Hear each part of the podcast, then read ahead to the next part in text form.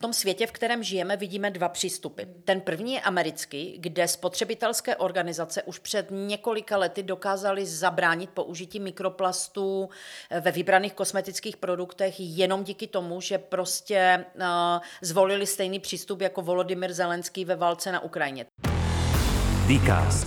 Podcast Deloitte Czech Republic.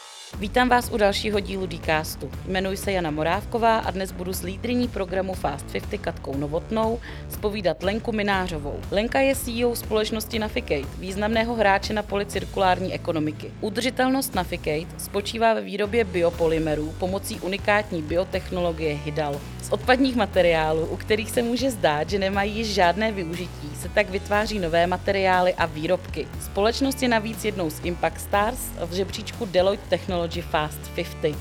Lenko, vítejte v Deloitte. Děkuji, děkuji moc za pozvání. Lenko, co je přesně biotechnologie Hydal a na jakém principu funguje? Tak už název biotechnologie znamená, že vlastně vytváří příroda.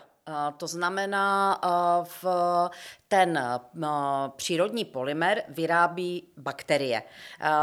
Ta bakterie vlastně sní doslova a do písmene použitý fritovací olej. Mohla by samozřejmě jíst i přírodní olej, ale my používáme odpad nebo jiný typ materiálu, třeba mláto z pivovarské výroby a ona ten polymer vyrobí opravdu ve svém těle. Proto vlastně biotechnologie. A z dnešního pohledu a z pohledu stávající i vědy je, jsou to toto vlastně ty technologie budoucnosti. To znamená, příroda sama vyrábí, protože to kouzlo není jenom v tom, že to ta příroda vyrobí, ale ona to umí sama rozložit. To znamená, když se vlastně ten náš materiál potom dostane do kdekoliv do ekosystému, do moře, do vody, do půdy, tak tam už existují mikroorganismy, pro které ten materiál zase jídlem pro ně. To se ve zjednodušené podobě potom jmenuje biodegradabilita. To znamená, my se od té přírody vlastně úplně učíme, a vlastně jsme to její know-how plně převzali a naše práce je v tom, že jsme ho převedli do průmyslového měřitka. Jedná se teda o cirkulární ekonomiku. Ano, Jedná se uh, o krásný příklad cirkulární ekonomiky, kdy na počátku je odpad a, a vlastně na konci je produkt, který umí příroda vlastně sama rozložit uh, a v podstatě v tom ekosystému opravdu cirkuluje uh, zase dalším způsobem. Ano, je to krásný příklad cirkulární ekonomiky. V jakých průmyslech mají vaše biopolymery využití? Tak, eh, my máme zatím jeden biopolymer, protože PHA, eh, jenom takový terminologická vsuvka, PHA je rodina polymeru a my zatím v tuhle chvíli vyrábíme jeden člen, jednoho člena rodiny, který se jmenuje P3HB, ale brzy budeme vyrábět další členy rodiny. A konkrétně P3HB má neuvěřitelně široký uh, aplikační potenciál, jak už to tak u těch přírodních látek bývá, takže můžeme začít eh, v té pyramidě hodnoty úplně nahoře a to je biomedicína. Ten polymer je unikátní tím, že to, ty částky, částice, z kterých se skládá, to znamená monomer, jsou součástí lidského těla.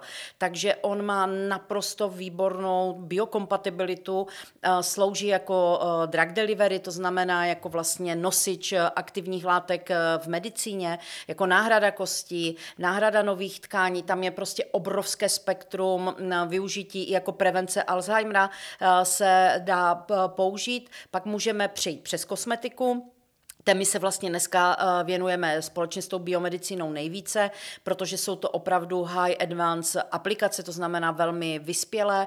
Tam nahrazujeme především toxické látky a mikroplasty. Eh, toxické látky byly byste asi překvapeni, kolik látek eh, v kosmetice bude v brzké době i zakázáno, nebo už je zakázáno kvůli tomu, že z pravidla buď ničí ekosystémy, nebo v řadě případů, protože i člověk je součást ekosystému, jsou prostě škodlivé pro člověka. Pak dále můžeme jít přes přes bioplasty, to znamená nová generace plastů založena na jakoby biobased eh, zdrojích. Eh, k agrochemikálním obrovský aplikační segment. Když si vezmeme Green Deal, tak eh, Farm to Fork vlastně říká, že bychom měli do roku 2030 snížit spotřebu herbicidu a pesticidů o 50 a vlastně k tomu potřebuje ten opět nosiče a ty nosiče musí být plně biodegradabilní. A prostě polymerů, které jsou schopny splnit na ty, tahle kritéria, je úplné minimum a P3HB je jeden z klíčových kandidátů. Takže vlastně ten aplikační potenciál je opravdu neskutečný a jeho objevování je na úplném počátku. To znamená, My máme řadu projektů rozpracovaných eh, a je z mého pohledu je hrozně důležité, že ti největší světoví hráči, zrovna dneska jsme měli kol jedním z nich a připravujeme projekt, který do reality přijde za pět až deset let. To znamená vlastně už dneska se fakt připravují řešení budoucnosti a z mého pohledu je to jediná možná eh, cesta a ta kritéria na ty nové materiály jsou nesmírně přísná a už jsou opravdu s ohledem na to, aby byly reálně udržitelné a doložitelně udržitelné a naprosto neškodné pro člověka a pro přírodu. To jsou prostě tři základní mantry a pokud ty materiály je nebudou splňovat, tak vlastně v tom horizontu do deseti let na tom trhu nebudou moc být. Proč jsou mikroplasty tak velkým problémem v kosmetickém průmyslu? Mikroplasty jsou krásný příklad toho, jak je snadné používat něco, co je plně funkční a levné. A my jsme celé roky přehlíželi to, že vlastně když dáme mikročástice polyuretanu, polyetylenu a čehokoliv dalšího do kosmetiky, tak vlastně tyhle látky ne- nedegradují. To znamená, my je pořád, když jsme si to měli představit, přisypáváme, přisypáváme a přisypáváme do ekosystému, kde oni budou žít prostě, a nebo žít oni nežijou, ale kde budou cirkulovat eh, tisíce let a na ně se nabalují toxiny a další látky a oni vlastně postupně degradují a ničí uh, ekosystémy, uh, pronikají nám do potravních řetězců a podobně a akumuluje se to v tom prostředí. Takže my vlastně ještě desítky let budeme, i když je dneska zastavíme, tak ještě desítky let budeme čelit tomu, že eh, je prostě v těch ekosystémech eh, máme, to se jmenuje takzvané záměrně přidávané mikroplasty, to znamená, ty firmy je tam dávají zcela vědomně. A právě proto že jsou natolik levné a ty náhrady, třeba i ta naše náhrada, jsou mnohonásobně dražší, tak vlastně Evropská unie i další země museli přistoupit k regulaci, museli je zakázat, protože jinak ty firmy byly ochotny používat prostě do nekonečna. Vy jste říkala, že Evropská unie musela sáhnout po nějaké regulaci. Je to za vás dostatečné? V tom světě, v kterém žijeme, vidíme dva přístupy. Ten první je americký, kde spotřebitelské organizace už před několika lety dokázaly zabránit použití mikroplastů eh, ve vybraných kosmetických produktech jenom díky tomu, že prostě uh, zvolili stejný přístup jako Volodymyr Zelenský ve válce na Ukrajině. To znamená, komunikovali vlastně ty důsledky, ukázali vlastně, jak jsou, uh, uh, že mají ty mikroplasty v sobě ryby, že je jíme. A jejich tlak byl natolik silný, že při měli vlastně eh, jak eh, tu regulatorní úroveň, tak ale především ty firmy, eh, že to prostě přestali používat, protože to pro ně už znamenalo reputační riziko. Čili to je jeden přístup, tlačený spotřebiteli. Ale my v Evropě žádné takové spotřebitelské organizace prostě nemáme a tady opravdu není jiná možnost než regulace. Za mě, já říkám, zaplať pán Bůh za to, že tu regulaci, byť ona ještě není finálně schválena, protože ty lobistické tlaky jsou extrémní a ten odpor té industry, která je prostě zvyklá na jednoduchá řešení, je samozřejmě velký, ale zaplať pán Bůh za každou uh, tuto regulaci. A já osobně očekávám, že největší uh, vliv bude mít takzvaný Product Environmental Footprint přístup, který už taky vlastně se v Evropě řeší dlouhé, let, uh, dlouhé roky. A my to vidíme na tom, že vlastně v Evropě vzniklo takzvané EcoScore Beauty Consortium, kde teda jsou všichni globální kosmetičtí hráči a Navigate, my jsme tam jedna jediná malá a střední firma, a vlastně vytváříme labeling pro budoucí kosmetické produkty. A to bude extrémně silný donucovací nástroj, protože to vidíme na lednici, že kdo si dneska koupí lednici s červeným štítkem, eh, ta už snad ani není na trhu. A vlastně velmi podobný přístup bude v kosmetice, kdy vlastně každý produkt bude mít pro spotřebitele úplně jednoduchý label od červené k zelené a on sám bude vidět, celkově, jak ingredience, jak obal, užití vlastně má vliv na uh, životní prostředí. A to podle mě bude spolu s regulací už dostatečný nástroj pro to, uh, uh, aby ty firmy opravdu uh, změnily to svoje chování a přistupovaly k produktům a jejich environmentálnímu dopadům úplně jiným způsobem. Když se vrátím k, k vaší výrobě, vy teď vyrábíte jeden biopolymer, je to tak? Ano a který je bakteriálního původu. Ano. A pracujete v současné chvíli na vývoji i jiných přírodních polymerů? Tak ano, z rodiny PHA. To máme několik rozvojových projektů, protože ty jiné formy toho samé, té samé rodiny mají jiné vlastnosti, takže je to, ano, tohle jsou naše rozvojové projekty, ale zároveň my připravujeme nikoli v polymery, ale jiné typy těch takzvaných upcycling ingredients, to znamená látek, které jsou vyrobeny upcyclingem z odpadu.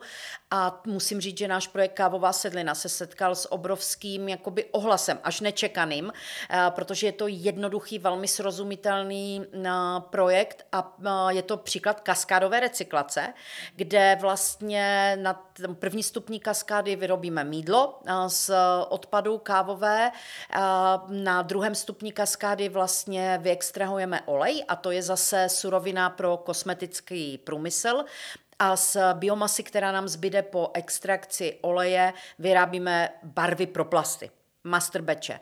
A když jsme s tímhle jsme vyhráli národní kolo klimatického akcelerátoru a vlastně, když jsme se v prosinci bavili s hodnotiteli, tak oni nám říkali, my jsme nikdy neviděli projekt, který je fakt dotažen do tří vlastně různých eh, oborů a vlastně říkali nám, že v, se sami orientovali v oblasti těch masterbečí a ptali se těch největších světových firm a že žádná cirkulární a ještě bio masterbatch neexistuje.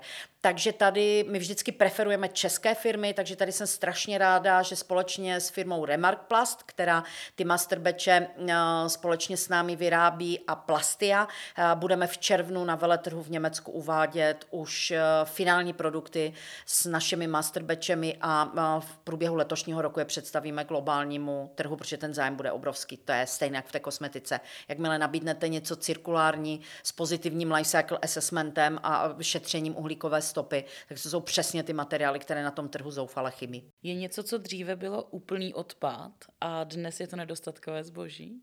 Já se obávám, že to bude eh, cesta mnoha odpadů, eh, protože eh, já to vidím jenom v té evropské výzkumné elitě a inovační a my jsme jenom část malá a máme projekty vlastně v oblasti cirkulární ekonomiky a jenom jakoby využití bioodpadu, to znamená, to je relativně, já nevím, jedn, nedokážu kvantifikovat, kolik z cirkulární ekonomiky, ale je to jenom jedna část, nejsme u průmyslových odpadů, komunálních ani žádných jiných. A velká spousta výzkumných týmů se zaměřuje třeba na kalis, čistíren, odpadních vod a já vždycky, když vidím ty prezentace a vidím tam ty miliony uh, jakoby, uh, výrobních závodů, který to budou zpracovávat, teď to vidíte v páté, v šesté prezentaci, tak si říkám, kde ty kaly asi tak vezmou. Uh, to znamená, my to neumíme zatím uh, takzvaně valuovat. To znamená, my neumíme udělat jakoby ten odhad toho, jaký bude u který odpad do budoucna zájem a Velmi často se můžeme prostě opravdu soustředit na odpady, o kterých bude v konečném důsledku bitva, což je třeba příklad PETu. Eh, ten vlastně ho je kritický nedostatek, protože ho všichni chtějí, ale eh, na rozdíl od Slovenska, kde já už zálohuju jak PET, eh, tak plechovky, tak tady to prostě musím s dalším odpadem vyhazovat do žlutých kontejnerů. Čili není, nedá se říct, že využití odpadu je vždycky ta nejjednodušší cesta a opravdu to, na co jste se ptala, může nastat. A proto my používáme jenom odpady, kterých je takový nadbytek a vlastně víme, že potřebujeme jenom homeopatické procento, a proto my taky naše projekty začínáme těmi high edit eh, value aplikacemi, to znamená s tou největší přidanou hodnotou, kde jich potřebujete relativně málo, ale ty firmy, eh, všechny velké, i ti producenti toho odpadu mají dneska svoje CSR programy, svoje environmentální programy a oni chtějí, aby jejich odpad byl použit co nejsmysluplněji. To znamená, my vždycky jdeme tam, kde víme, že ti původci odpadu eh, no, s námi budou spolupracovat a dají nám přednost právě proto, že je to něco, co jim vlastně eh, umožňuje plnit i jejich klimatické cíle a naprosto se nám tahle strategie potvrzuje a máme i ze strany eh, firm třeba typu Nestle, už vlastně dohodnuty spolupráce a předání jejich eh, vlastně odpadů pro naše výroby a tak by to mělo být. Že i oni ví, kde to vlastně končí a mohou si to započítat potom i do těch svých, eh, svých cílů. A to je zásadní změna. To tady předtím nikdy nebylo. To byly komoditní trhy, kde nikoho nezajímalo vlastně, kde to končí, ale teď se ta doba mění a ty firmy chtějí rozhodovat o tom, jak budou jejich odpady využity, pokud je to samozřejmě možné. Vy jste několikrát zmínila eh, spolupráci s zahraničními společnostmi. Plánujete taky zahraniční expanzi? To je velmi složitá otázka. My jsme vlastně na začátku toho projektu vůbec nepředpokládali, že bychom cokoliv dělali v České republice nebo v Evropě.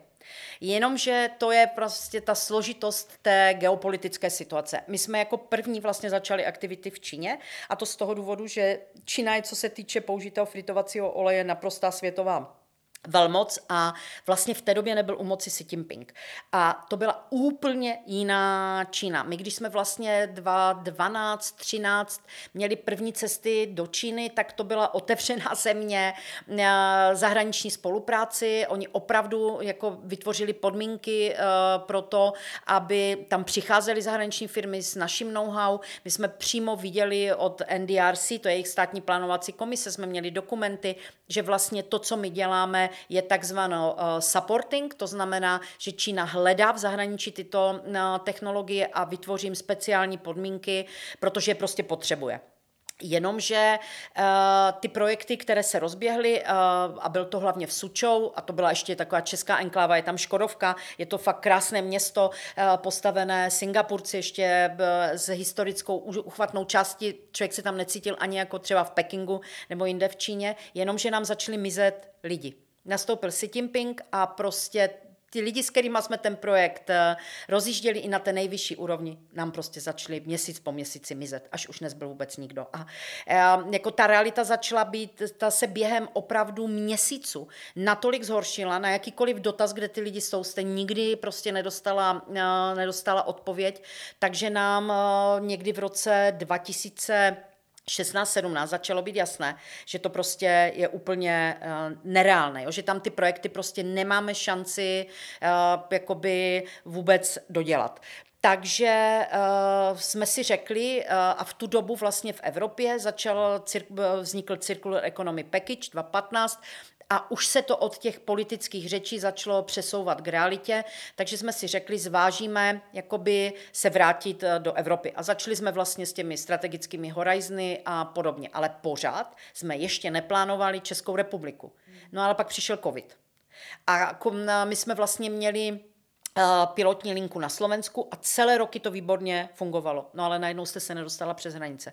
Pak vás nepustili ani do té pilotní linky, protože měli speciální prostě procedury, kde vlastně byl dva roky zákaz komukoliv z vnějšku, aby vlastně tam vůbec přišel a vy jste zjistili, my jsme zjistili, že vlastně to máme k ničemu protože k čemu máte pilotní linku, kde se nedostanete a nemůžete vyrábět. Takže my jsme úplně přehodnotili jakoby strategii, díky tomu v Ostravě vlastně vzniká to R&D centrum a ta první kapacita. Řekli jsme si, co nemáme doma v České republice, nemáme. Takže, ale to byl obrovský jakoby pro nás mentální skok, protože my jsme ještě v té době před covidem měli rozjetý projekt v Malajzii, že tam je 30 milionů tun ročně vyprodukují sludge palm oil, to je něco podobného jako čínský odpadní olej, eh, je to odpad z výroby palmového oleje 30 milionů tun a oni ho jenom landfillují. To je jako prostě, já si to vůbec neumím představit. No, a my už jsme ověřili, měli jsme malajského partnera, měli jsme podepsané veškeré smlouvy na výstavbu továrny, protože nám pořád připadalo logičtější jako být tam, kde je velký nadbytek eh, No ale ten projekt prostě padnul, protože eh, v Malajzii zavřela na dva roky opět hranice. Takže my jsme velmi opatrní, a pořád platí to, že první továrny i další velká továrna bude v České republice, protože opravdu ta zkušenost toho covidu je jednoznačná. Na druhou stranu nás atakují, v tuhle chvíli už nás atakují uh, opravdu globálně, eh, hlavně ti eh, lídři, to znamená Japonsko a USA, eh, a už opravdu každý týden a chtějí s námi jednat buď o licenční výrobě, nebo prostě o nějaké formě spolupráce. A tím, že těch feedstocků, které my používáme, je fakt globální nadbytek, protože biodiesel, na který se používá použitý fritovací olej, to je prostě tak low edit produkt bez budoucnosti vlastně, tak Tady budeme vážit opravdu na lékárenských váhách, jak k tomu přistoupíme a zatím upřímně říkám, nevíme. Nevíme. Jako chápeme principy cirkulární ekonomiky, nemá smysl z Evropy vozit něco do Asie, nebo do USA, ale musíme to vážit na lékárenských eh, váhách a vlastně ten model opravdu vymyslet. Takže zatím je jasné jenom to, že Česká republika. Nicméně poptávka je jednoznačně globální. A co se týká vašich biznisových cílů, co je taková vaše meta? Je to třeba vstup na burzu, já jsem člověk, který má peníze na posledním místě. Jo? Takže v naší firmě jsou lidé, kteří se starají o peníze, ale to nejsem já. Jo? Pros, protože eh, vlastně, kdybych dala peníze na první místo, tak do toho projektu nemůžete ani vstoupit, jo? protože prostě napřed vám schází desítky tisíc, pak vám schází miliony, pak vám schází desítky milionů, pak vám schází stovky milionů. Takže jakoby pro mě moje cíle nejsou úplně vyprofilované, že by za nimi byly prostě nějaké jako konkrétní peníze, um, ale samozřejmě kolegové to mají spočítáno. Moje cíle jsou ty produkty uh, a globální partnerství. A uh, v červnu představíme v New Yorku prototyp toho jakoby nového produktu. Nemůžu bohužel pořád ještě říct, jaký to je, který vyvíjíme s Colgate eh, Palmolive a bude to opravdu game changing eh, inovace. To znamená něco, co na tom trhu vůbec eh, jakoby není. To je pro mě první meta a už vůbec to, že jsme se do toho akcelerátoru jako dostali, protože opravdu jako a smekam před eh, odvahou čtyřech největších světových retailových firm na vlastně dát prostředky v podstatě eh, firmám mimo USA, kde nás nemají pod žádnou kontrolou. A ještě ten náš projekt byl unikátní v tom, že oni nám ty peníze dali dopředu. Že nám jakoby nabili prostě důvěru v to, že my ten projekt eh, jako Eh, zrealizujeme, ale neměli žádnou záruku, že kdybychom ty peníze vzali a je to 100 tisíc dolarů, to rozhodně není jakoby malá částka, eh, takže to je pro mě první meta. Další biznisový milník je ten In Cosmetics Global, to znamená už to, že jsme mezi deseti vybranými mm, firmami ve dvou klíčových kategoriích, eh, je prostě jasný, že jsme ta elita, že jsme prostě někdo, a, a to je R&D Tour, už jsme, a to vygeneruje ty uh, strategické spolupráce. Takže mým cílem je do konce roku mít tři až pět zasmluvněných strategických spolupráci s globálními hráči, společně s kterými uh, ty produkty uvedeme na trh a vyvineme a budeme je testovat v České republice. Takže aspoň tady budeme mít možnost uh, jakoby uh, ověřit. A zatím už přijdou ty peníze. Lenko, vy děláte světově unikátní produkty eh, s vysokou přidanou hodnotou, eh, s velmi pozitivním vlivem na společnost, na životní prostředí. Cítíte, že vás český stát nějak podporuje, nebo jaká je role státu ve vašem podnikání?